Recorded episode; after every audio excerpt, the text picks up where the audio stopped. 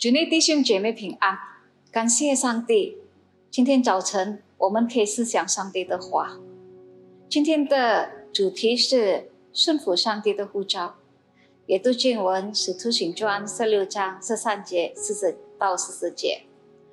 亲爱天父，我们满心感谢你，因为你给我们好的日子来思想你的话。求主赐给我们聪明智慧，让我们可以明白。感谢上帝，祷告奉耶稣基督圣名祈求，阿门。使徒保罗顺服上帝的呼召，前往马其顿去。他首先造访马其顿的腓利比城，一如往常，使徒保罗和他的同工团队首先顺访当地的犹太人聚会的地方，来开始他们的工作。结果，他们城门外的河边找到了犹太人聚会祷告的地方，在那里，他们与几名妇女谈到，有位卖紫色布料的妇女。名叫莉莉亚，是对呀对拉城的人。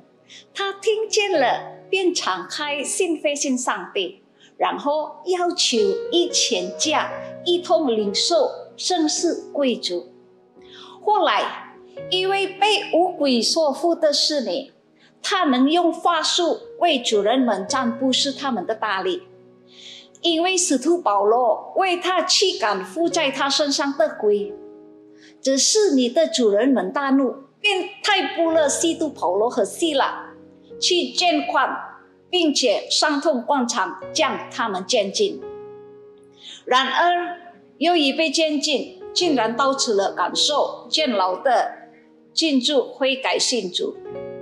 使徒保罗在菲律宾的侍奉，获得以下几个结论：首先。服从上帝的护照，并非就此放射顺利和安全，但是会因此我们的服从，所以上帝的计划便记着我们拯救实现了。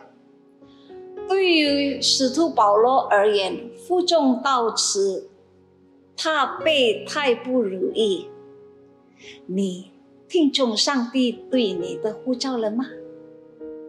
其实，清官使徒保罗以信召犹太人追之的来开始他的事工，但犹太人尽中却没看到有人做出回应的歧路，只有利利亚，这位从对呀对哪城来的外邦女人，做出很明显的回应。我们从事无法医疗到护士或说获得的回应的。第三，使徒保罗和团队在菲律宾极为团战的护士，并不意味着他们的施工是失败的。从使徒保罗给菲律宾人的书信，就表明这个教会后来技术不断增长。使徒保罗未曾自卑自践踏进做过短短时间服侍的教会。第四，被监禁并没有使使徒保罗表现主孝之反应。使徒保罗和希拉在监狱中唱歌赞美上帝，并起出自劝他们道义的态度，即使。是可以其他救他放到他那，活生生的，也很不平凡的见证。但是连进住也大小自杀的年头，愿意相信主耶稣，然后要求为自己和他的全家人一起受洗。面对挑战时，你会以积极的态度回应吗？主耶稣祝福我们，我们低头祷告。天父上帝，我们满心感谢你，因为你可以提醒每一个我们顺服上帝的呼召。主啊，求主给每一个我们力量，喜乐、刚强。